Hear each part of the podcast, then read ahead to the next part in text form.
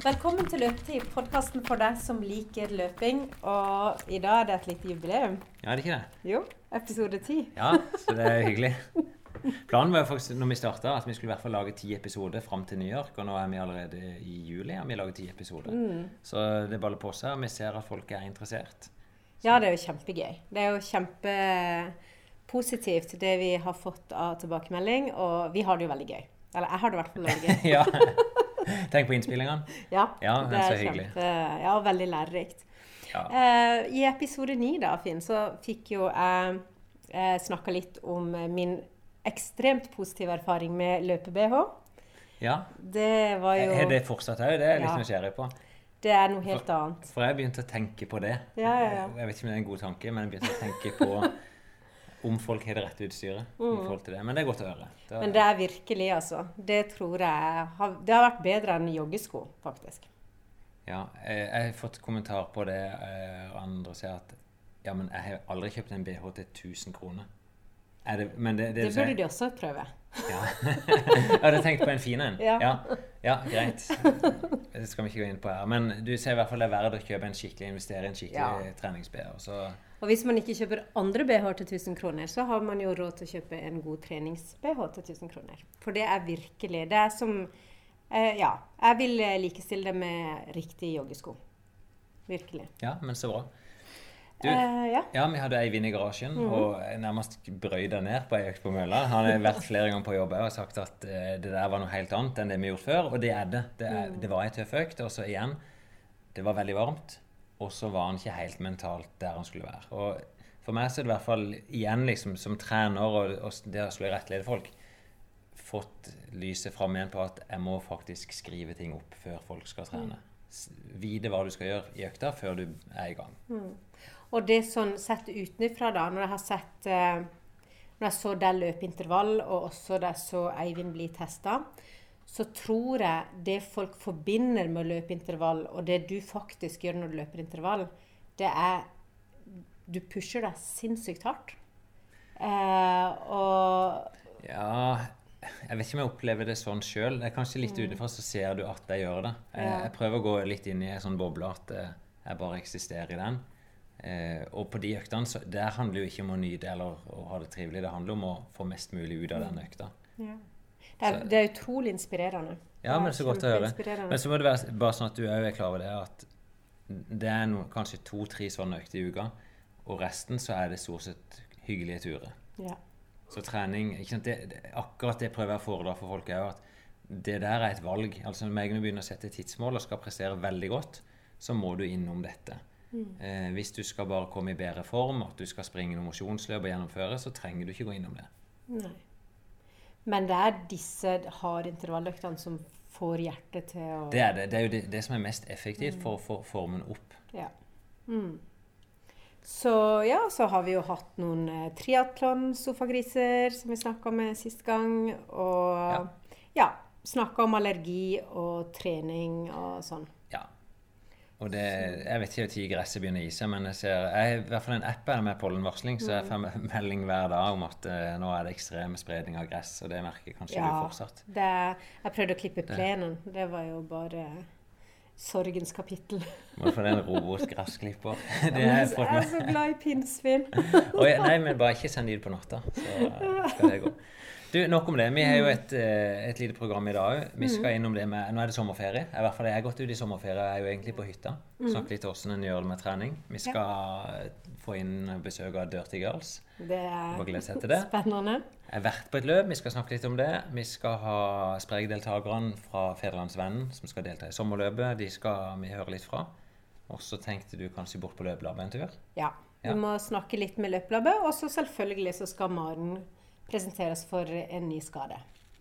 Ja, det er et opptak fra Bislett Games, dette her, så det blir spennende å se. Men eh, det er jo virkelig sommer, og Sørlandet viser seg jo fra sin beste side. Eh, og du har ferie. Og åssen gjør du det med trening og ferie og familie og alt dette her? Eh, jeg trener jo. Eh, for meg så er det jo et maraton som er to og en halv måned unna, og da er det veldig viktig. Dette er den kanskje viktigste opptrappingsperioden. Og så er det samtidig ferie, da. Og jeg fikk spørsmål fra ei på jobb her i går, for jeg var innom. om trener du virkelig hver dag i ferien. Eh, ja, jeg gjør jo det, og jeg trener ofte to ganger om dagen. Men tenk, jeg opplever jo ikke at dette er veldig sånn panisk, og at, eh, ja, at det ødelegger ferien min. Men jeg har med meg joggeskoene der jeg. Så eksempelvis i dag da, så kjørte jeg Vi er på ei øy akkurat nå, eh, så jeg kjørte kona mi inn med båt. Kjørte opp på jobb, og så sprang jeg en tur. Og så møtte jeg her. Og for meg så var det digg. ikke sant, at det, Da har jeg løpt 50 minutter nå i strålende sol, bare overkropp i shorts, og, og bare hatt det greit. Mm.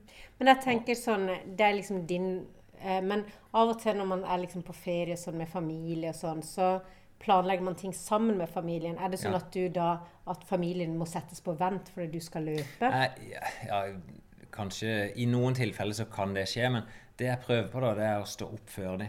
Ja. Akkurat det koster litt, å kanskje stå opp halv åtte når de andre skal sove lenge. Men da er liksom det valget jeg må ta.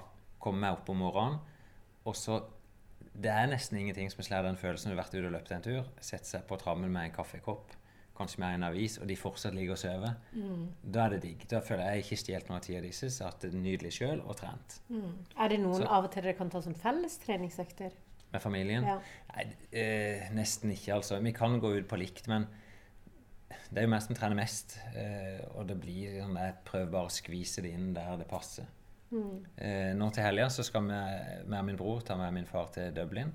Og da tar jeg selvfølgelig med meg joggeskoene. Så vet jeg det at jeg skal få trent alle disse dagene. Eh, der trener jeg sammen med min bror, da. Selv om vi er på litt forskjellig nivå, så er ikke det noe problem. Hvis du ikke skulle få trent en dag som du egentlig i hodet ditt har programmert å trene, blir du stressa? Ja, jeg gjør det. mm. det. Selv om jeg på et vis skulle ønske at ikke det var sånn, men det er jo nettopp det som gjør at jeg springer veldig fort igjen. Det er jo at jeg har hele Jeg kan nesten kalle det manien da, med å få gjennomført økter. Hvis ikke jeg får gjennomført økter, så synker formen. Det er jo så kjipt som det er. Men jeg er jo realist. ikke sant? Jeg vet at det, det er ikke den økta i dag som betyr noe, men over tid så må jeg ha mange økter. Da stresser det meg litt hvis jeg ser at det jeg hadde planlagt, faktisk ikke blir mulig å gjennomføre. Jeg strekker meg ganske langt for å få inn den treningsøkta. Men det kan godt være å vri litt på og så gjøre henne kortere, mer effektiv. Så, Ja. Nei, det lurer seg nok å la Finn løpe. Ja, også det er, det er forskjellige målsetninger her. Du kan jo like å ta deg en tur i kajakken, for å si det sånn, eller du kan gå en tur på øya. Eh, Sånne ting, Alt det hjelper, så du må ikke gå rundt med dårlig samvittighet for det er ikke en forløpt. Men hvis du har tenkt å springe på 2.33 i Berlin Maraton om to og en halv måned, så må jeg gjøre en del tøffe både grep og valg. Mm. Så, Ja. Så det er egentlig bare sommerferien er jo en deilig tid å trene på, da. Også. Jeg syns jo det. Altså Ja. Det er enda bedre tid. Og så er liksom det der, hvis jeg kan få folk til å komme opp om morgenen, det er lurt. Ja. Og samtidig deilig. Det er, det er et lite tips, da, i hvert fall. Mm. Kjempebra. Men du, Dirty Girls. Ja. Nå er det, det er ikke meg som skal snakke om det, men jeg, dette er Vi skal få inn Stjerna her nå, som eh, Hun kom til meg eh, med et helt nytt konsept som handler om jenter som skal løpe. Et rent jenteløp som eh, der jentene skal kaste seg ut i en ganske tøff hinderløype. Litt sånn tanken at eh, du, du springer, du blir skitten. Eh, du yter, ikke sant? Og så er det girls night out etterpå. Der du fiffer deg opp, og så har du en ekte fest. Og så har jeg jo et konsept der rundt dette med at du egentlig så gjør du dette for mennene i ditt liv. Eh, og det kan du fortelle litt mer om. Så kan ikke vi heller høre på Shanna. Ja, Shanna. Dirty Girls. Yes, indeedy. da Det er så eh, Jeg så på Facebook, da. Denne, så ble jeg med en gang Det var rosa, og det var Dirty Girls. Og jeg bare Hva i all verden er det som har poppa opp på min Facebook-side? Hva er det nå jeg har vært inne på? That's the whole point. yeah. Eh, Kan du fortelle meg hva, hvordan kom du på dette? Uh, well, actually, I saw uh, a trend on Facebook of my friends back home in Ireland and England that they were starting to run more mud runs. Uh, and I came across a uh, one called Filthy Girl in the UK, which a lot of my friends were going to. Uh, and I decided that I wanted to go to it, so I sent it to my friend. And then I kind of decided, actually, I'm going to make one myself. Okay. so, yeah, the concept is not here in Norway yet. So eh, hva, hva kan man, Hvis man melder seg på Dirty Girls, hva skjer da? Hva er det vi skal Eller vi. hva, hva gjør man da? Uh, well, they sign up and they come, uh, and it's a three and a half kilometer Hinderleipe out in Sporty Liveåsen. Uh, the terrain is actually um, quite tough. So, and the hinders, we're going to have roughly around to 12 to 15 hinders, I think, Mm. with uh, some mud baths. So Right. people get dirty. So that's the dirty part. Hence the name Dirty Ah. Girls, nothing else. so it's just really a fun day out for um, yourself and all of your friends, and it's for all women of all ages and all athletic ability. So you don't need to be an elite athlete like, like uh, Finn here to Ah. uh, take part. um, and the whole concept is that you get together with your girlfriends, you go out, you have a lot of fun. It's not timed, so you can take as long as you want, and you do it as a team. So you help each other around. So if there's people who's fitter in your team, uh, and people who are less fit, you help each other around, and you finish together as a team. Ah, Ah. Um, and then when you come to the finish line, you're going to get a glass of prosecco. Very Det er nå important. din del Nå av det. begynner jeg å forstå konseptet. yeah. And instead of uh, a medal, which I believe will uh, have one photo and re- spend the rest of its life in a drawer, we've ordered a really cool uh, champagne glass as the premiere instead. So you get your prosecco in that, and you get it as your present. Uh, and then when you come to the finish line, we'll have uh, the fire department hosing uh, you down. So So after dirty, you get clean. yes, Yeah. you do, and that is for some practical reasons too, because of lack of water. But it's also a little bit fun. Uh, and uh, following that, we also have the concept where we uh, you can buy Le Fest tickets, which are now actually sold out about two months ago, Mhm. um, and that's in Barbarossa. So you, when you arrive on a red carpet, we encourage the women to get really dressed up. It's the girls' night out. You arrive on the carpet, you get a glass of champagne or bubbles, uh, and then you're served a two-course meal uh, with Lisa Tunna as toastmaster, and then she'll do a stand-up uh, show afterwards. And this is for girls only. In this part, it's called Girls' Night Out, and that's girls only from 6:30 until 11. And then we have from 11 o'clock we have a nightclub, where it's gonna rip loose. and we have a Swedish female DJ called DJ MS, and then that's open to everybody. So So then the guys the can guys can come, as well. and the, the the kind of cool twist about this is that we challenge all of the women who are running to run for the important men in their life and raise money and awareness for male cancer. So ah. everybody can set up an, an insamlingsside through Craftforening. And then they can ask their friends, family, colleagues, anybody that they come in contact with, you, will you sponsor me to run Dirty Girls? And hopefully we can raise some money and shine a light on this because I think ah. it's a little bit of an under discussed topic. Yes. So, and then all those guys that you've run for can come in the evening to the Mm. nightclub. Så det er konseptet. For eh, en ting jeg lurte litt på, hvorfor det var et poeng å gjøre det kun for jenter.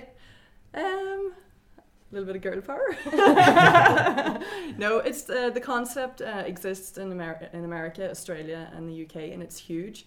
And I just saw it as a concept uh, that was a little bit different, and I wanted to test it out. Maybe further down the line, we might have an all guys uh, run. I don't know yet, but for now, it's just Dirty Girls, and it's really about the ultimate girls' weekend, girls' day out. So- Em, og dette her har jo fått eh, kjempebra påmelding. Yes. we are already 90% sold out now and we have increased capacity twice. So now this is the final. Oi, oi, oi. final oi, time. oi. So Og når er det dette skal skje? on the 26th of August. Mm. Yes. Så det er fortsatt mulig for noen få å Yes. melde Ja. seg på? yes. There is, yeah. So it's uh, it's exceeded our expectations for sure. So we're really glad that people like it and people get the concept that it's not about being how fit you are. It's about having a day out with your girlfriends and having fun. Mm. So. Mm. Em, Jeg ser en ny påmelding komme rett her. Yeah, I know. yeah. kjempefint. Skal du komme og heie, da? Jeg skal være der. He's, gonna, he's wearing a tutu and he's gonna run.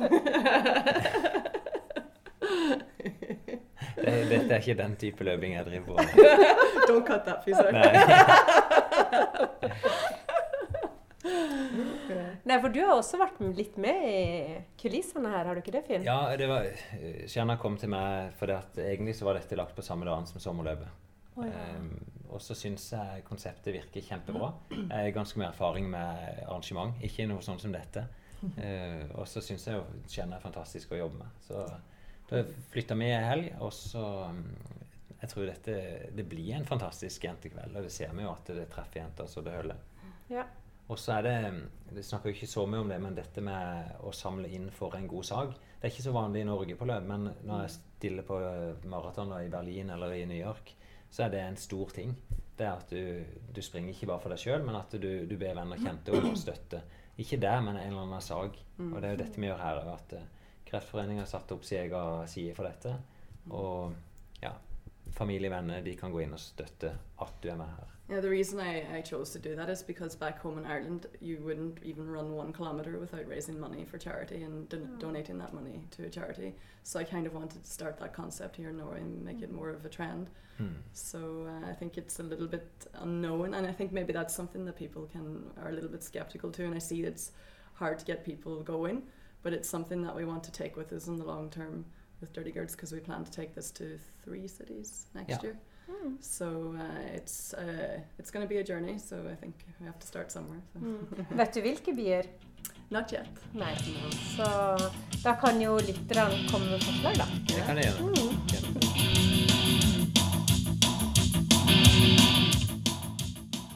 Nei, det var jo eh, litt tryggere å snakke om Dirty Girls enn det jeg trodde, da. For jeg var jo, jeg var jo litt, litt skeptisk til navnet. Nå skal du være Eh, med sjøl. I hvert fall på festen. Festen, det er jeg ganske god Ja. på.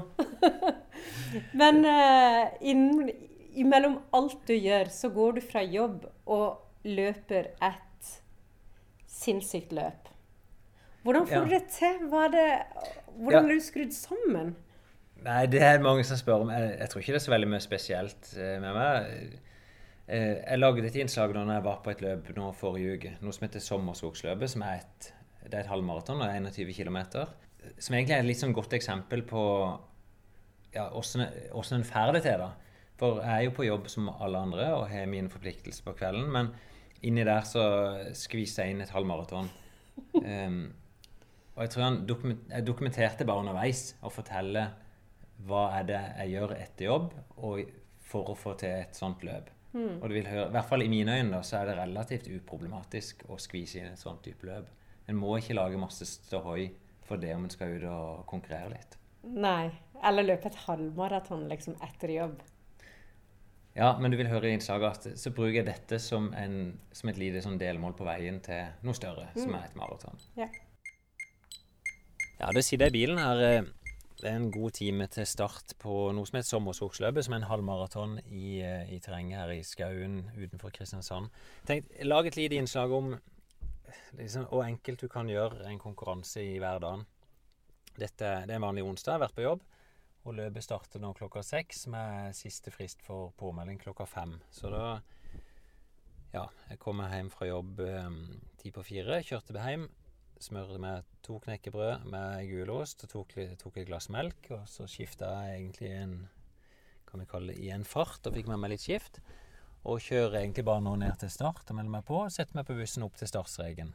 Og, og stoppa for så vidt på en bensinstasjon og kjøpte med meg ei cola, altså en halvliter cola, og så en Snickers. Som jeg, jeg tar nok litt av det før start, og så har jeg det til jeg kommer i mål etterpå. Eh, er jo definitivt ikke noe sånn modus for å konkurrere veldig hardt akkurat nå, men jeg tok med meg en headset med litt, så jeg kan spille litt musikk etterpå. Så tenker jeg Se for meg akkurat nå i hvert fall at denne halvmaratonen skal bli et litt sånn positivt løp der jeg skal starte ut moderat og så prøve å gå tøffere og tøffere inn. Eh, Jeg vet ikke hvem som er med, hvor mange som er med, men eh, drømmer litt inni meg sjøl om at eh, dette er et løp jeg kan vinne, eller i hvert fall være blant de beste tre. Så får vi se. Eh, Da er det i hvert fall påmelding, og så komme seg på buss.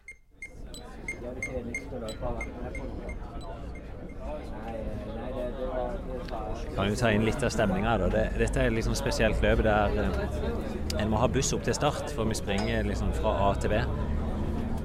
Så, og jeg, jeg liker jo å komme litt seint, så jeg kom som sistemann inn på bussen. Og nå er klokka tre minutter over fem, og da kjører vi opp til start. Så her er det nok eh, Ja, på halvmaraton så ser det vel ut til å være sånn 90 menn. Jeg vet ikke om det er noe sånn særegent for sånne skogsløp. Det liksom, lukter godt svette på denne bussen. Eh, og nå kjører vi opp til start. Eh, og der skal vel kunne rekke en liten oppvarming. Men som dere sikkert hører, da, så går praten godt, og folk virker jo fornøyd, selv om de skal ut og springe en halvmaraton på en vanlig onsdag. Sånn, nå er det fem minutter før start. og da de fleste har fått skanna seg gjennom, og så er det kanskje ja, 150 løpere som skal springe dette halvmaratonet. Flest menn, noen få damer.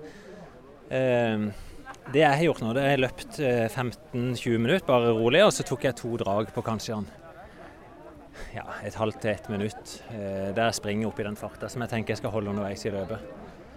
Eh, jeg sa ikke noe om hvorfor jeg gjør den eh, økta eller denne konkurransen, så jeg, jeg tenker jo mot maraton at jeg skal springe fort i Berlin om snart ja, snaue tre måneder. Syns et sånn løp som dette er kjempegreie økter. Få på et startnummer på brystet og så springe gjennom. Så gjør jeg det med litt lave skuldre, men det, klart det blir et konkurranseelement. Og jeg treffer jo to-tre stykker som jeg vet eh, vil bli tøffe å slå. Eh, liksom målet mitt i dag er å få en sånn god flyt, kjenne litt på Nesten som jeg springer i maratonfart, og så prøver jeg å dra på tøffere og tøffere mot slutten. Ja, så er tre-fire minutter igjen, nettet ned, og så høres vi igjen i mål. Så der var vi i mål. Så var det en halv maraton i egentlig veldig tøft skogsterreng. Eh, sånn småokkupert hele veien med noen tøffe bakker og tøff utforbakke. Og egentlig steinete og, og sånn ulendt hele veien. Eh, kom i mål, målet var under 1,20. Jeg kom i mål på 1,20,01, så det var jo litt sånn halvsurt. Men jeg hadde jo ikke noe klokke på noe kontroll på hvor fort det gikk. Eh, ble nummer tre. Det var to løpere som var foran meg. De triller fra meg etter 3-4 km i noen utforbakke. Ja, det, det er stor forskjell altså når vi springer i sånt terreng. Men eh, jeg vet ikke akkurat hvor fort de sprang. Eh, det ble litt sånn som jeg sa på forhånd, at jeg, jeg holder sånn jevn flyt. Føler at det er litt sånn maratonflyt over det.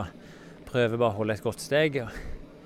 Eh, trille godt utfor, og så prøver jeg å være litt forsiktig opp bakkene. Da, da blir det en sånn positiv opplevelse hele veien. Så når jeg kommer i mål, så er det greit. Jeg er selvfølgelig gjennomsvett, sånn som alltid er, men eh, jeg føler meg veldig bra nå. Eh, jeg triller løper etter løper inn i mål. Så nå er det ja, dytt inn på litt saft og banan som er her, og så er det noe grillmat som de serverer etter dette løpet. Et par sokk i deltakerpremie. Og da har jeg med meg litt eh, tørt skift som jeg hiver på, og så er dette en fin dag. Jeg tror nok det er lenge før jeg hiver meg på en halvmaraton etter jobb. Men, uh, men det ja. Det var jo et valg om å springe 8 km og 12 km òg på dette løpet. Så det fins jo muligheter for det òg. Ja, nei, jeg syns bare jeg synes det er kjempeimponerende hvordan du bare får alt til å virke så utrolig lettvint og gjennomførbart.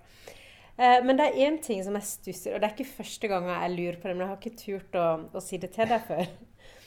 Men det er liksom sånn der eh, Du snakker så utrolig avslappa om at du bare kjøper en sjokolade og ei brus, og da det løp med Eivind, så drakk du cola og Og ja. det er liksom Det er så langt ifra det jeg forbinder med den treningslivsstilen du har, da.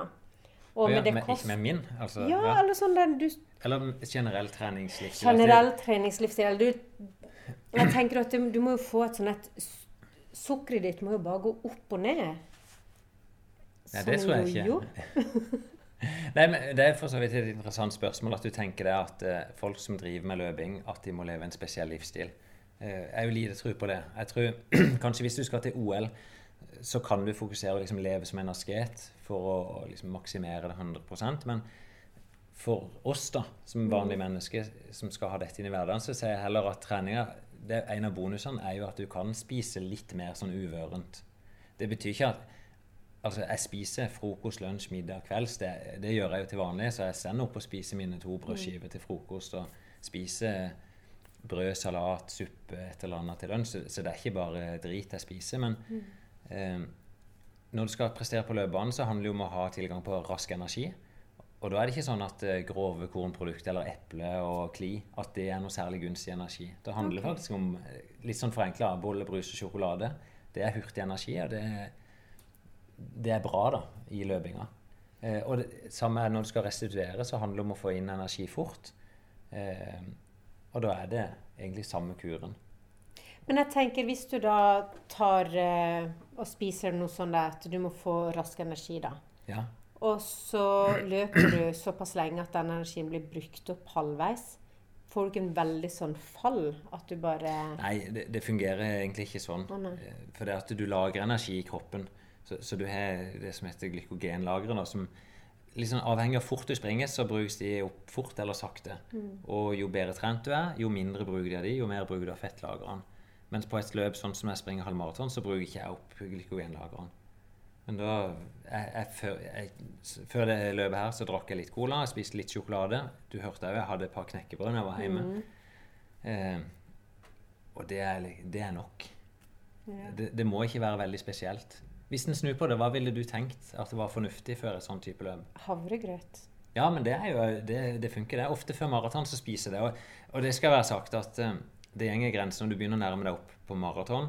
Så begynner jeg å bli mer nøye med hva jeg spiser før det løpet. Da sørger jeg for at eh, ja, lagrene mine er så fulle som de kan. Og det handler jo om typisk pasta, brød, eh, poteter for så vidt òg. Bare fylle lagrene. Eh, og på morgenen før løpet så er typisk havregrøt et gunstig valg. Men i sånn, hvis en skal hver gang en skal ut og konkurrere eller trene, skal bruke tid på å dille med dette, så blir jo det vinninga, eller moroa forsvinner, syns jeg, da. Ja, for du er jo veldig eh, flink til å fokusere på løpinga. Altså alt Ja. det andre, det på en måte virker litt sånn der uh, uviktig. Ja, og det Satt på spissen, så er det det. Men så kan du si for de aller beste, der liksom all restitusjon betyr noe, all søvn betyr noe, det er den bitte, bitte lille forskjellen. Men for, for oss da, som trener kanskje én gang om dagen eller mindre, så er dette nesten uvesentlig. Men det er klart, hvis jeg spiser så mye at jeg blir tjukk, eller legger på meg, så er jo det lite gunstig. Og det er sånn for min del nå, da Nå veier jeg kanskje 3-4-5 kilo mer enn det jeg ønsker å gjøre når jeg skal springe fort på maraton. Så må jeg være litt mer sånn forsiktig på hva jeg spiser. Ja. Men hvorfor det? Fordi du er jo tynn. Ja, og det er så, løping er på sett og vis en vektidrett òg. hvis jeg fyker rundt med overflødig vekt, altså i form av fett, så må jeg, da går det saktere per kilometer. En veldig sånn enkel grunnregel er liksom Hver kilo du veier for mye, det er et par sekunder på kilometeren. Det er derfor det går så seint for meg. Det er ikke fordi jeg løper seint. Det er tyngre i hvert fall å ha mer vekt med seg. Men så er det jo sånn en ser i, særlig utholdenhetsidretten at noen tar dette for langt igjen. Så, så det er ikke sånn at eh, du kan bare fortsette å gå ned i vekt, og så presterer du bedre og bedre. Det kommer liksom til matchvekt, og når du begynner å krysse den igjen, så begynner dette å snu, og så begynner det å få ganske uheldige konsekvenser. Og det er jo et problem som idretten sliter med, som ofte dukker opp da hos oss. Ja, for det, det er noe, en følelse jeg har innenfor løpsmiljøet og sånn, så, så kan det jo veldig mange bevege seg litt i grenseland Ja. på hva som er sunt. Det, det prøver å få mine utøvere til å forstå at eh, de må ha en buffer. sånn at eh, gjennom vinteren i grunntreningsperioden så, så bør en ha litt å gå på. Heller ha spist litt for mye i forbindelse med trening enn litt for lite. Og så kan de, i hvert fall når, når nivået øker og når de begynner å bli flinke og dyktige på dette, så kan de spisse inn mot de viktigste konkurransene. Og det klarer jeg inn mot et maraton, så klarer jeg å liksom gå ned og si at ok, da må jeg veie ca. dette. For meg så er det sånn 66 kilo. Da er jeg fornøyd. Da er det jeg vil kalle ribba. Sånn, Ja, det er det ikke mye igjen. eh, og så med en gang det er ferdig, så henger jeg opp igjen. Okay. Så liksom å bare maksimere prestasjonen, og så ferdig. Er det sånn sett fra et sånn helsemessig perspektiv, er det sunt? Ja, men jeg, det er ikke noe sånn ekstremslanking jeg driver med. Jeg begynner jo nå, det er to og en halv måned igjen, og skal gå ned kanskje 3-4 kilo. Eh, så da er det sånn 300-400 gram i uka ca. Og når jeg trener mye, så er det relativt lett for meg. Men det er aldri lett å unngå godteri. Det, Det er veldig godt Ja, å høre. Så jeg spiser Det- likevel noe godteri og, og koser meg litt, men jeg koser meg mindre, da. Mm, Ja, men det må du. Så la oss si at jeg kutter fråtsinga. Hvordan er du i form nå i dag, tre år etterpå, du er med på Sprøytprosjektet? Ja, jeg er i bedre form enn da Spre- Sprekprosjektet starta. Men jeg er nok i litt dårligere form enn da Sprekprosjektet slutta, Ja. tror jeg. Eh, Jeg har trent eh, mye og løpt mye i de årene som har gått. Men jeg har også jeg pleier å si at jeg sliter med litt skade i knærne, men jeg sliter jo også litt med motivasjonen innimellom. Og det tror jeg alle gjør. Så litt opp og ned har det gått. Nå er jeg heldigvis inne i en god periode, og det er jo bra siden eh, sommerløpet nærmer seg. Eh, ja, Svein, kan du fortelle hvordan du har vært i slaget etter eh, Jeg har nok ikke at de ligger stor, jeg kjenner meg igjen i det Eva sier, men jeg har ikke problemer med motivasjonen. Og det overrasker jo veldig for min del, da. For jeg syns løping var mildt sagt ræva. Så jeg sliter jo med det faktum at jeg synes, Jeg har flere ganger tenker nå hadde det passa med en løpetur. Og det er liksom litt sånn eh, Twin Peaks. Altså, jeg kunne tenke meg ut av løpe, og gjerne en lang tur. Sette på musikk og så løpe. Altså, det, er en, det er en form for avkobling som jeg ikke trodde var mulig. Og du eh, søkte jo med på Sprekprosjekt litt for å motbevise at det helt tatt var Ja. mulig å, få lyst ja. til å løpe og synes det er gøy å løpe. Ja, altså det, det er derfor jeg sliter litt med å treffe meg sjøl i døra. Sånn, jeg er jo ikke så glad i det. Men, men jeg vil eh, si en ting ennå, at, eh, og det husker jeg når jeg snakka med hun, eh, Kristina når vi fikk noen skader underveis. Så sa jeg men du er jo skikkelig sprek, hvordan klarer du å holde på med dette når du får unger og sånn? Det går liksom. Nei, så det var veldig sånn at liksom, du må ikke ha sånn ambisjon. Altså, du må ikke bli sånn gal at du skal liksom være med på alle løpene i universet, og unger og, og kone liksom på båten. Mm. Og det tror jeg er en grei regel. For du må ha det litt kjekt når du holder på. Mm. Hvis ikke, så, så er det ikke noe gøy. Da er det bare sånn hat og liksom Og det mener jeg, når de som løper forbi hjemme hos meg, og som skal løpe 14 mil for de skal på en eller annen maraton, de hater altså. Ja. De, de hater litt. Du ser på meg Og nå. jeg har sett det jeg har sett det òg, Ja. og noen ganger så hater du litt. No, ja, jeg, men det, og det sier jeg egentlig til alle jeg trener. er at det, det er en sånn grense der du, når du begynner å sette målene så høyt og hårete, Ja. så, da må jeg gå inn i økter som gjør så vondt, og som jeg er så lite lyst til å gjøre, men jeg vet effekten av det. Og da sier jeg, det anbefaler jeg egentlig ikke folk. Men hvor ofte er du ute i løpet av uka? Nå er det jo blitt sånn at eh, jeg løper Jeg, har, eh, jeg spiller eh, squash på jobben. Så jeg har eh, en squash-økt der, og så har jeg en squash på søndag, og så har jeg løping en gang i uka. Så er de tre. Om vinteren så er det av og til svømmer. Mm. Så løpinga er sånn sett mindre men er mye mer jevnt over i trening. Mm. Jeg pleier å si at squash det er sånn intervalltrening. Mm. For det er bare fram og tilbake, fram og tilbake, og løper og tuller. Og, og der merker jeg jo effekten. Altså, så det er en gang i uka, eh, stort sett, og så er det av og til at det kan bli en ekstra tur. Og så har du tatt av deg en del kilo, som du sa. Ja, det ligger, men ikke så mye som etter sprayprosjektet. Jeg har gått opp igjen etter det, men jeg lever ikke noe sunt heller, så da går jo hånd i hånd. Mm. Jeg sier det til de storguttene mine, det må du ikke skrive i TV-en, at eh, du kan ikke trene av deg det du spiser. Det er ikke mulig. Mm. Så liksom du må kutte ned på spisinga, hvis ikke så går det ikke. Ja, ellers må du gjøre sånn som meg, og springe helt infernalsk mye.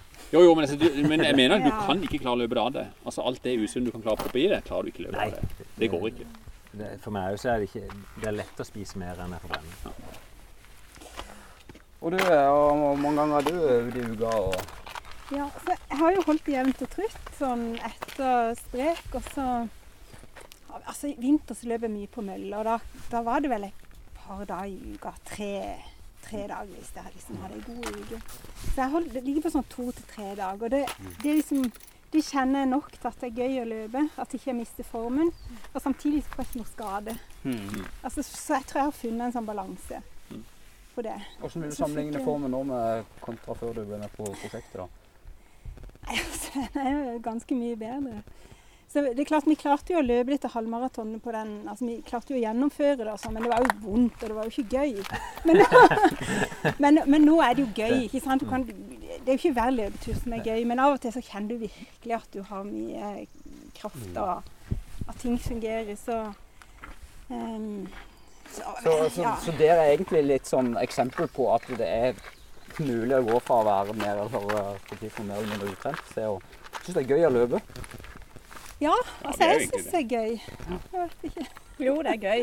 Og så tror jeg Jeg er helt enig med Gro Hege i at det var jo Vi hata jo Ja. i 21 km. Ja, det var Jeg har aldri hatt så vondt før. Kunne ikke gå på tre uker etterpå. Uh, men jeg tror vi lærte at det der å komme liksom gjennom sånn hat Mm. er jo en helt fantastisk mestringsfølelse etterpå. Eh, så liksom lært at det å presse seg litt og det å, å hate litt og på sånn gi en enorm gevinst i ettertid. Det, det gir motivasjon til å hate litt. Ja, altså, så synes jeg Dette er, det, ja, si, Ja. dette er jo det trikset de bruker i Forsvaret. Å utsette folk for liksom ekstreme ting som binder grupper sammen. Er det sant? Ja, det er jo det. Det er teambuilding i Det var det som forstand. skjedde med, med oss tre, som nå ennå driver med en sånn uh, Ja. indre justis på ei Facebook-gruppe. Ja. fungerer det Det funker det som bare juling. Men, men hvilke tips vil du gi til folk da som er, har, er i deres situasjon der dere var for tre år siden, og som har, egentlig har veldig lyst til å begynne å løpe og trene, Men så har de problemer med å komme i gang. Um, jeg, kan, jeg kan bare begynne. Altså, jeg hører på podkasten til Finn. Jeg tuller ikke. For det at jeg tror jeg var for redd for ubehaget. Altså ubehaget med ikke sant, å ikke ha nok kondis, få vondt i beina. få... Så det er bare å komme seg over det og skjønne at det ikke er farlig. At du faktisk kan altså, Om du presser lungene så de holder på å hoppe ut, så gjør det deg bare godt. Mm. For det, for det syns jeg var veldig sånn skremmende. Så jeg husker du løp ved siden av meg. Så sa, du, ja, så sa du at 'nå syns du synd på deg sjøl'. Og det gjorde jeg jo. Mm. Det, for jeg hadde nok det at jeg syntes litt synd på meg sjøl. Mm. Så det å komme seg over den og tenke OK, nå går belgen liksom og klokke Altså um, Jeg tenker hør på de podkastene, eller altså, løp sammen med noen som har erfaring, eller Men det du tenker på, sånn uh, kort fortalt uh, hovedgreia i podkasten, ja. det er altså Å få noen tips. Altså, det er jo ikke komplisert å løpe, det kan jo alle gjøre. men det den der å gi, ikke gi opp. Ikke gi opp selv om du har litt vondt ja, om det er litt vondt, og så ledd eller knær ja. eller eh.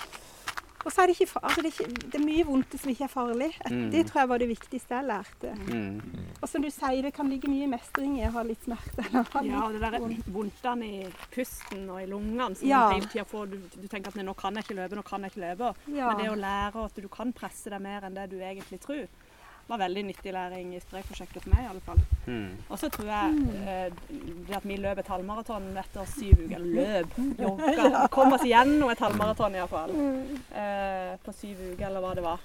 Eh, var det jo ingen av oss som var der. Jeg hadde iallfall ikke trodd på forhånd. Men når du setter deg et sånt mål, så er jo det i seg sjøl et insentiv for å trene. Ja. Så å melde seg på Nå kan du løpe fem kilometer på sommerløpet.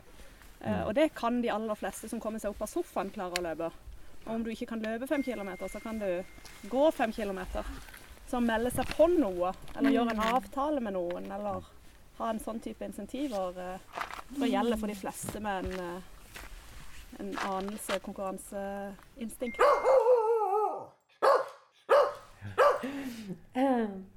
Men eh, en ting som eh, jeg tenker på Nå har vi jo vært gjennom trenings-BH.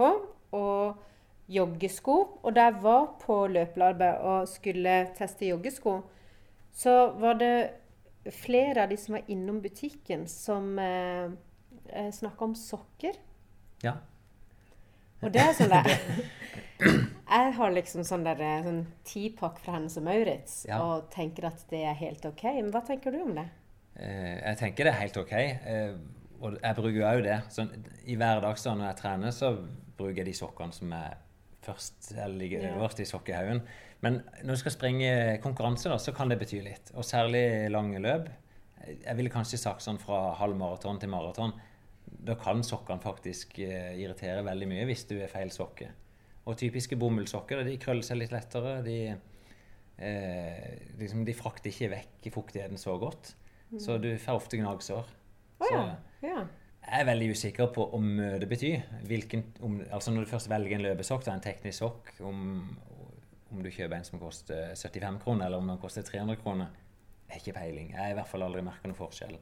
Men jeg pleier alltid å ha tekniske løpesokker når jeg springer de lengre konkurransene. Vi kan jo gå ned på løpelabbet og høre hva de mener ja. om sokker. Det er veldig deilig å ha på noen ordentlige sokker når man er ute og løper. Ja, eh, for jeg har jo bare kjøpt sånne tipakk på klesbutikker og brukt de når jeg trener. Men hva er det egentlig Hva er forskjellen? Eh, våre sokker er ikke bomull. Det er syntetisk, det er teknisk stoff som transporterer og svetter. Og så har de forskjellige egenskaper. Jeg har lagt fram noen sokker her så, for å vise deg litt. Mm. Eh, jeg har vel brukt egentlig alle de her typene sjøl til forskjellig bruk. Jeg bruker f.eks. alltid om vinteren så liker jeg å bruke ullsokker. I joggeskoen? I joggeskoen. Eh, og da liker jeg en sånn tynn ullsokk som den her fra Falke. Den er blanda med teknisk stoff, sånn at den sitter veldig godt på, på, foten. Og den sklir ikke rundt, den krøller seg ikke under foten. Og så er den, har den til og med en høyre og venstre fot, hvis du ser den. Ja. Eh, sånn at den sitter helt perfekt. Ja, for det, en gang så fikk jeg et par sånne løpesokker som det sto liksom en R og en L på. Mm. Men det som skjedde Jeg fikk to par. Ja. Og det som skjedde, det var at jeg ble veldig stressa hvis jeg bare fant to med L eller to med R. Ja. Er det noe forskjell på det? Ja. Uh, det her har jeg jo tenkt på noen ganger. Men uh, f.eks. den her, som er min yndlingssokk til Falke. Uh, Det er en ru short, hvis noen snur på min yndlingssokk. Uh, jeg tar den på på feil bein, så kjenner jeg jo Da tar jeg den bare av. Den, den må jeg bare ta den av. Oi. For den, den passer ikke på det andre beinet. Jeg trodde at du bare skulle lure meg. Ja, ja men det, den, det, du ser jo på at tåa er lengre på store tåa, Ja. og så sitter den Måten den sitter under foten eh, og altså Foten er jo veldig forskjellig på den sida hvor man tråkker, har fotbue, og den andre sida så sitter den forskjellig. Så morsomt.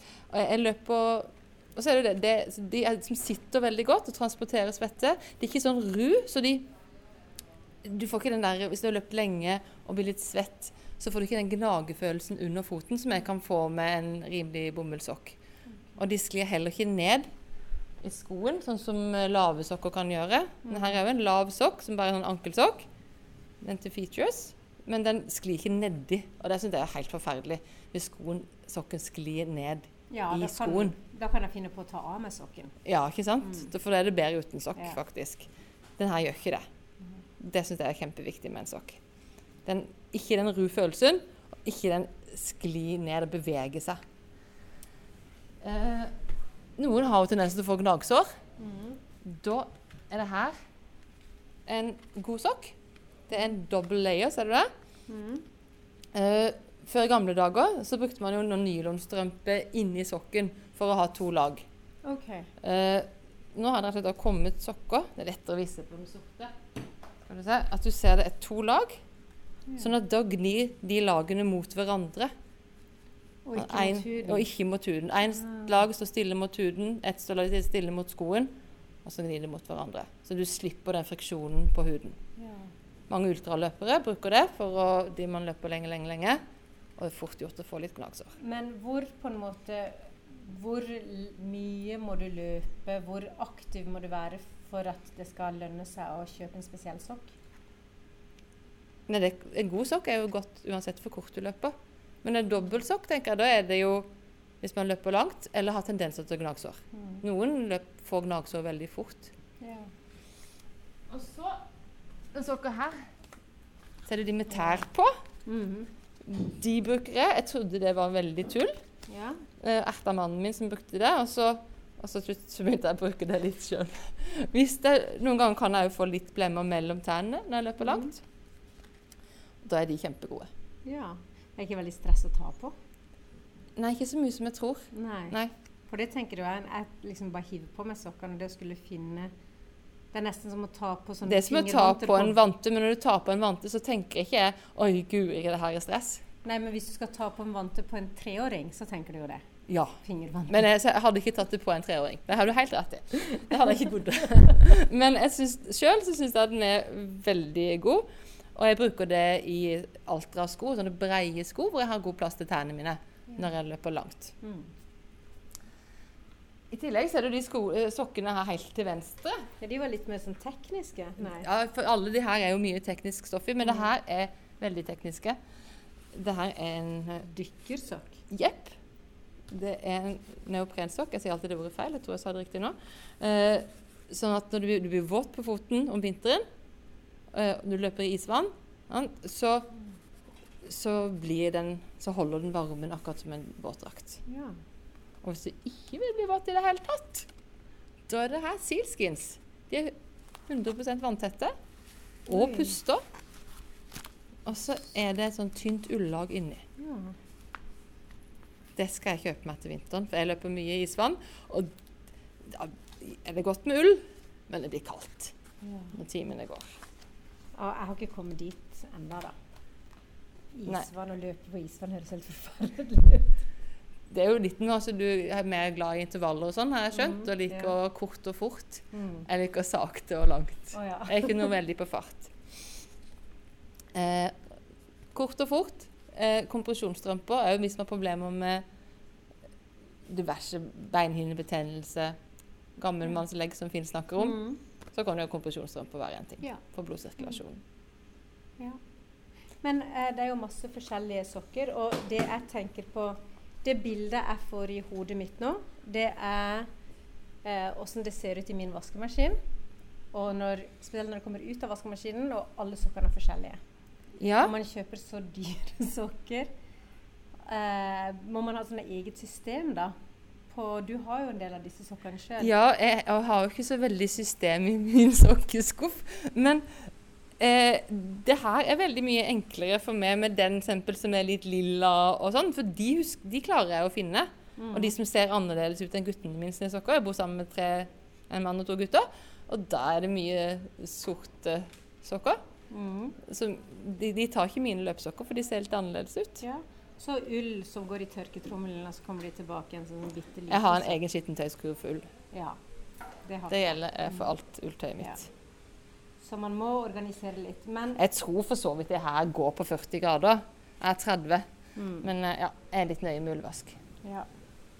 Nei, men så da vil du altså anbefale, hvis du kjøper deg noen nye joggesko, spander på deg noen nye sokker. Ja, det er forferdelig å løpe en tur med en sokk som sklir, gnager eller er grov mot huden. Eller krøller seg under tærne. Du, Maren, vi er fortsatt på Bislett. Mm. Og det er fordi vi spiller inn to episoder Ja. på rad. Ja. Eh, men vi er inne i en ny podkast. Ja. Nå skal vi, ettersom jeg kan skjønne, så er vi nå inne i episode ti. Og vi gjenger jo gjennom kroppen. Og nå skal vi inn på en skade som, hvor jeg har vondt sjøl nå. Ja. Og det er hæl. Ja. Eh, vi har vært inne på, på hælen, altså under hælen, men da jeg har en vondt som jeg opplever at flere løpere har, og det er når jeg har fått nye, flotte sokker. Eh, hvis du tenker at følg akillesen ned, Ja. så der akillesen fester i hælen, så gjør det vondt. Og så på innsida, altså den innsida som er inn mot det andre beinet, inn, inn mot den andre foten. Der, sånn cirka der, ja. ja. Det gjør vondt. Ikke inn på akilles, nei, men akkurat der på der, der akilles festes i hælen, og det er veldig vondt, ja. Ja, rundt hele her. ja. Ja. Og, og smerten er sånn at eh, når jeg begynner å springe, så gjør det veldig vondt. Sånn, jeg klarer nesten ikke å springe, og så etter fire-fem minutter så, så er det helt greit. Ja. Og så kanskje utover i turen så begynner det å gjøre vondt igjen. Men så da, Jeg klarer liksom å opprettholde treninga, men det gjør mye vondt. Ja. Den, det smertebildet som du beskriver der, høres jo veldig sånn scenerelatert ut. Som jeg tror vi har snakka om før.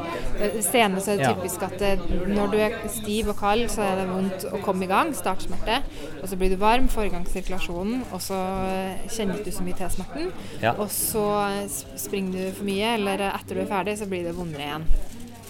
Ja, det, beskrivelsen er jo helt rett. Ja. Men det du sier da, at det er ikke hælen som er problemet, det er mer sena. Ja, så, for Nå trekker jeg litt raske konklusjoner, men Det er det du skal? Det, det, Ja. det det er min jobb. Og hælen er, er jo et problemområde ofte med veldig mange forskjellige diagnoser. Ja. Det området som du beskriver der, høres ut som festet av akillesen. Ja. Og det vi kaller da en, eh, en distal tendinose, eller en tendinose ned mot festeområdet på akilles. Ja, OK. Men det er du Eller en overbelastning i scenen i området helt nederst mot festet. Du fortalte meg da hva, hva det er, men hva kan jeg gjøre med det? Nå har jeg det. Og det funker jo egentlig for meg å trene, og jeg Ja. trener jo hver dag. Ja, så da høres det ikke ut som du er så veldig veldig plaga ennå. Det vondt. det du kunne ha gjort Ja. for å starte med da, er altså lagt ned en, som et enkelt tiltak, lagt ned en liten hæl i skoa di, sånn at du hever hælen din litt opp, sånn at det blir mindre belastning på festeområdet eh, i hvert steg. Og om du ikke liker å ha det når du løper, så kan du ha det resten av dagen, da. Så du avlaster Ja. scenen så mye som mulig når Det, du kan. ja, og det som er litt interessant der, er jeg begynte å gå med mer flate sko. Kanskje Det kan være at det er utgangspunktet. Ja. Eh, ja, så rett og slett en hel Jeg vet ikke hva du kaller hvor du får kjøpt sånn. Er det på apotek og Eh, Ja, eller en skobutikk eller en sportsbutikk. Du kan teste ut en korkhæl, f.eks. Ja, det er bare snakk egentlig må få bygd det litt, Ja. litt opp for å få mindre drag i scenen. Ja. Ja. Er det andre, altså Bør jeg f.eks. smøre på krem, eller bør jeg massere noe i leggen? Bør jeg er det kjøle Altså, ned? det, du kan ise ned etter trening, f.eks. For, eksempel, for å Det høres ut som ikke det hjelper når jeg ser på uttrykket i fjeset ditt. Ja, i, men is er smertedempende. Ja, så, Så det kan jo roe ned situasjonen litt sånn så, akutt. ja, så istedenfor å ta et glass vin, så Ja. kan jeg ta isen ned. Ja. Ja. Da kan jeg trekke min konklusjon hva jeg velger der. Ja. men egentlig sier jeg at det er kun for smerten selve isen hjelper. Det hjelper ikke for Sannsynligvis ikke for skaden i seg sjøl. Nei. Da, med mindre du iser veldig, veldig kraftig. Ja. Vi Jeg tror vi svarer nei. Vi svarer nei på det. Ja. Eh, og ja, Det er kanskje umulig å se hva jeg burde gjort for å unngå det i første omgang. Ja, du burde ha ikke ha gått i så flotte sko, da. Kanskje det. Og så vet jeg litt, litt svaret sjøl, for det at eh, nå skal jeg springe maraton om fire måneder. Ja. Og da er det jo alltid sånn at det begynner litt brått. Ja. Så- Så jeg ter ganske ekstreme økter. Og Ja. sannsynligvis er det noe med det å gjøre. Ja, og så har du sikkert ikke tida til å ta litt av hvis at du kjenner at du får litt vondt heller. Nei, ikke så veldig god. Jeg gjør litt av det. Jeg, ruller ski og sånt. Ja. Men det blir ikke nok. Nei. Men er det noe sånn håp for meg bare med den der eh, hælen at dette kan gå seg til? Ja. Er det? Ja, men det ja, er det godt. kan det være det i en tidlig fase. Så kan det være det. Og tidlig fase, hva er det? Første eh, måneden. Ja, ja men da ligger jeg akkurat sånn innafor der. Ja. Ja. Nei, men så bra. Mm. Da vi snakker om det. Vi er, som jeg sier, vi er fortsatt på Bislett. Det som er litt artig å stå her, nå står vi under Bislett. Ja. Eh, og under Bislett så er det jo en 500 meter lang løpebane. Ja. Og stevnet er ferdig, og de beste løperne de fyker rundt her fortsatt. ja. Og det kan vi snakke litt om. Hva er det de holder på med? Vet du det? Nå eh, springer de vel seg ned, tenker jeg. Ja. Mm -hmm. Men hjelper det? Hvorfor driver de og jogger ned? Ja, det tror jeg kan være en veldig viktig og bra del av restitusjonen. Ja. Fordi at Fordi at du får Du slutter så brått. Altså du får springe deg litt ned. Får litt sirkulasjon i muskulaturen. Ja. Litt sånn ulv høres ut som. Ja. eh, ja, men akkurat som noen som velger å sette seg på en sykkel Ja. etter en uh, tung Ja, økt. Eller, og det er jo den i, at I forskning på restitusjon så er jo aktiv restitusjon noe av det som har vist aller best effekt. Ja, så, så på et vis, etter et hardt De, har tatt ut alt, Mm. så jogger de ned for å få mer sirkulasjon, for raskere liksom Komme seg etter Teorien ja, at Ja. du liksom skal kvitte deg med om det er avfallsstoffet eller et eller annet sånt. Ja. Er liker ikke ordet avfallsstoffer, men Nei, ikke heller. at du eh, jobber med muskulaturen din aktivt, i hvert fall. Ja. Mm. Men det som jeg, som jeg ser vi kan ta knekk på en myte, da, for vil, vil dette hjelpe for at de blir mindre lemstra dagen etterpå? Nei, jeg tror ikke utøverne på dette nivået her blir støl, hvis det er det du Nei. snakker om. For, for det er jo mange som spør om Man blir jo tunge i beina, ikke sant, sliten. Ja. Eh, for noen sier til meg at eh, jeg glemte å tøye, så derfor ble jeg så lemstra i dag. Ja, Der, det er det ikke noe i, Maren. det er det ikke noe i. Nei, det var godt å høre. Ja. Men, men eh, jeg tror nok man blir, kan bli mindre støl hvis at man heller sitter og sykler ut, bedre enn å tøye ut. Det tror jeg. Ja. Nå blir det bare jeg vet ikke om, jeg vet ikke om dere utøverne kaller at de blir støl. Nei, det, gjør nok Det ikke det. Du, vi skal gi oss der. Tusen Ja. Nå skal du få gå hjem til babyen din, Jo. Mikkel. Mm. Han trenger både pupp og, og trøst. Ja. Og jeg tror mamma savner Mikkel. Ja. ja. Supert. Vi høres.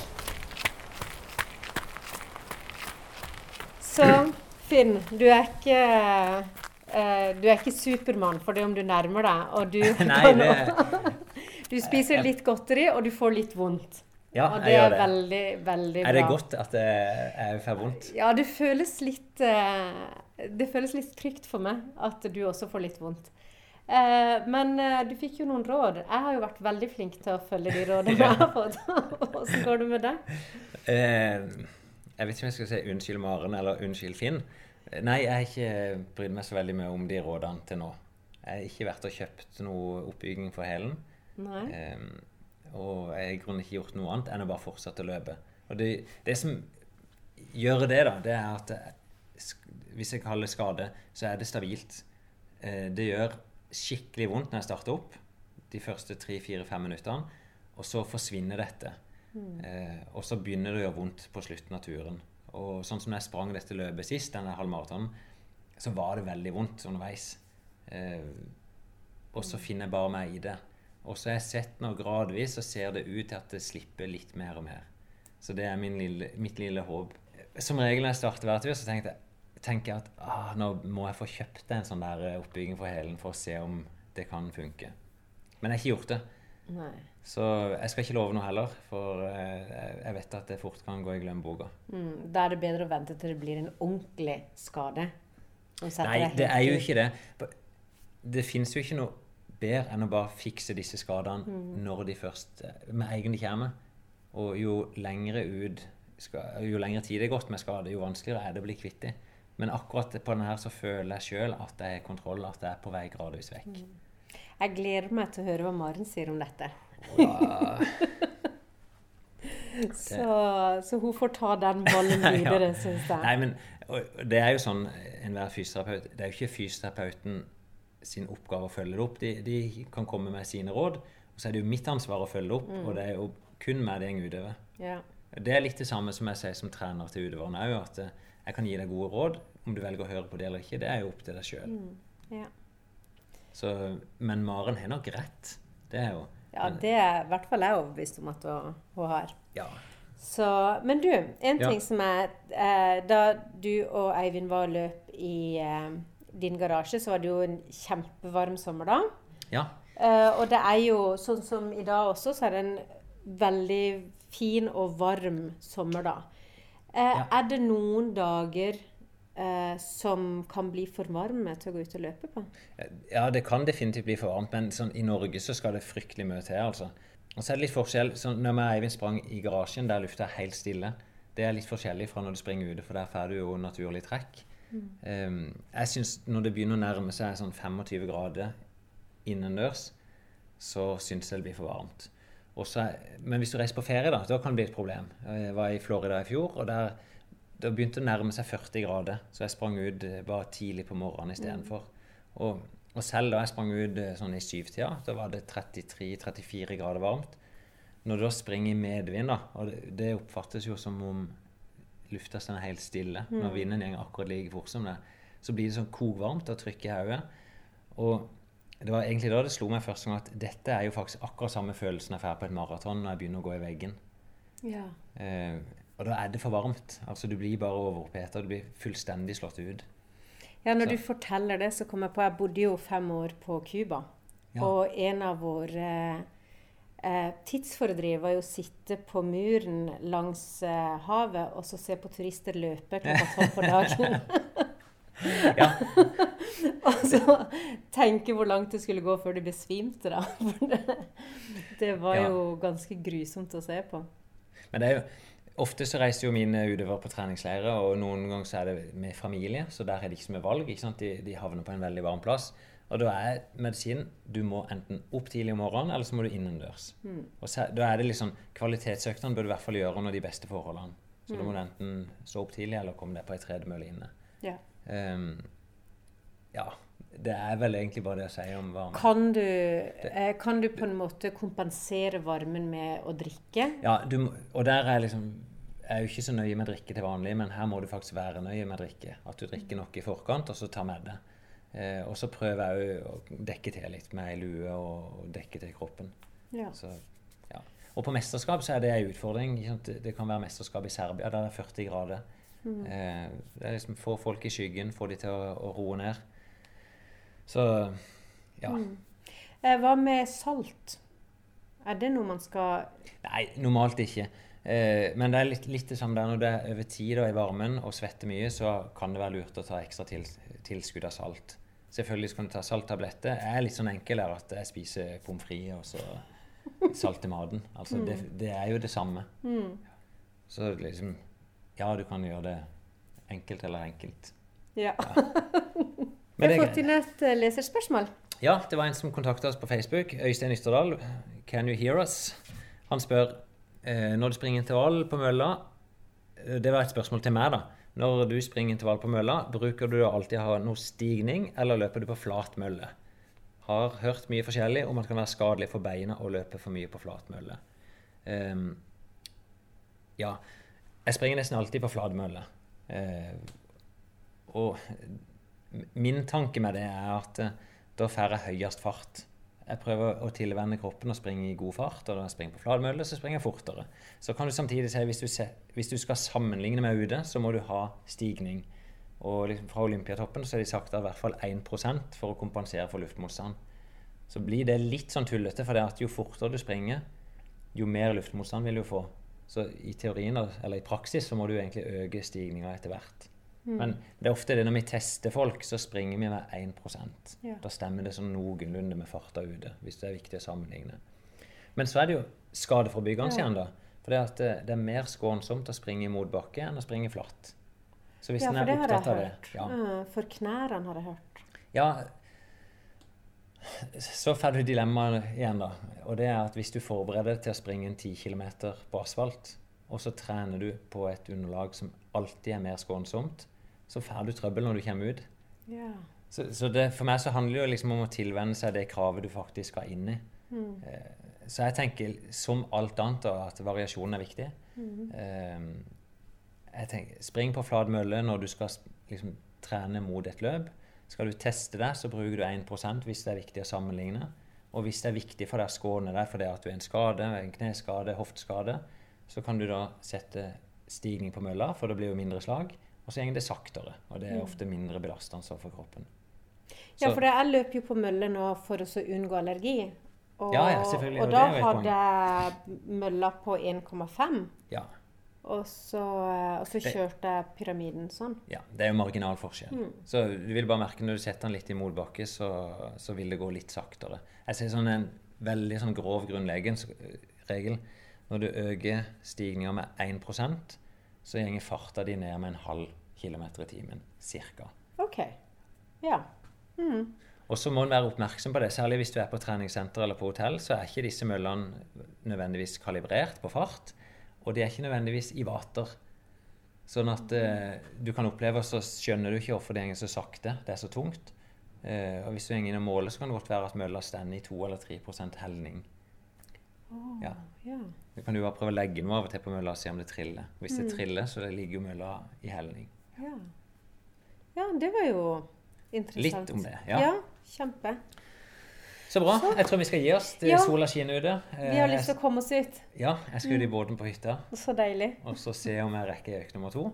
Og det jeg gjør da i så fall, det er jo når jeg skal hente kona mi på land, så kjører jeg inn litt grann før, og så springer jeg, og så tar hun meg ut. Ja. Det er en måte å gjøre det på. ja. Jeg skal opp og bade. Jeg har vært på trening i dag, da. Ja, Og skulle så akkurat skal si, jeg- for det ville jo vært ideelt. Og det gjør jeg av og til med ungene. Til de er oppe og bader, så springer jeg en tur. En litt kortere tur. Så bader jeg. Ja, det Fordi- skal jeg gjøre i dag. Det kan du. Det skal jeg gjøre i dag. Jeg skal ta en joggetur, og så kan jeg bade etterpå. Du, tusen takk. Takk for i dag.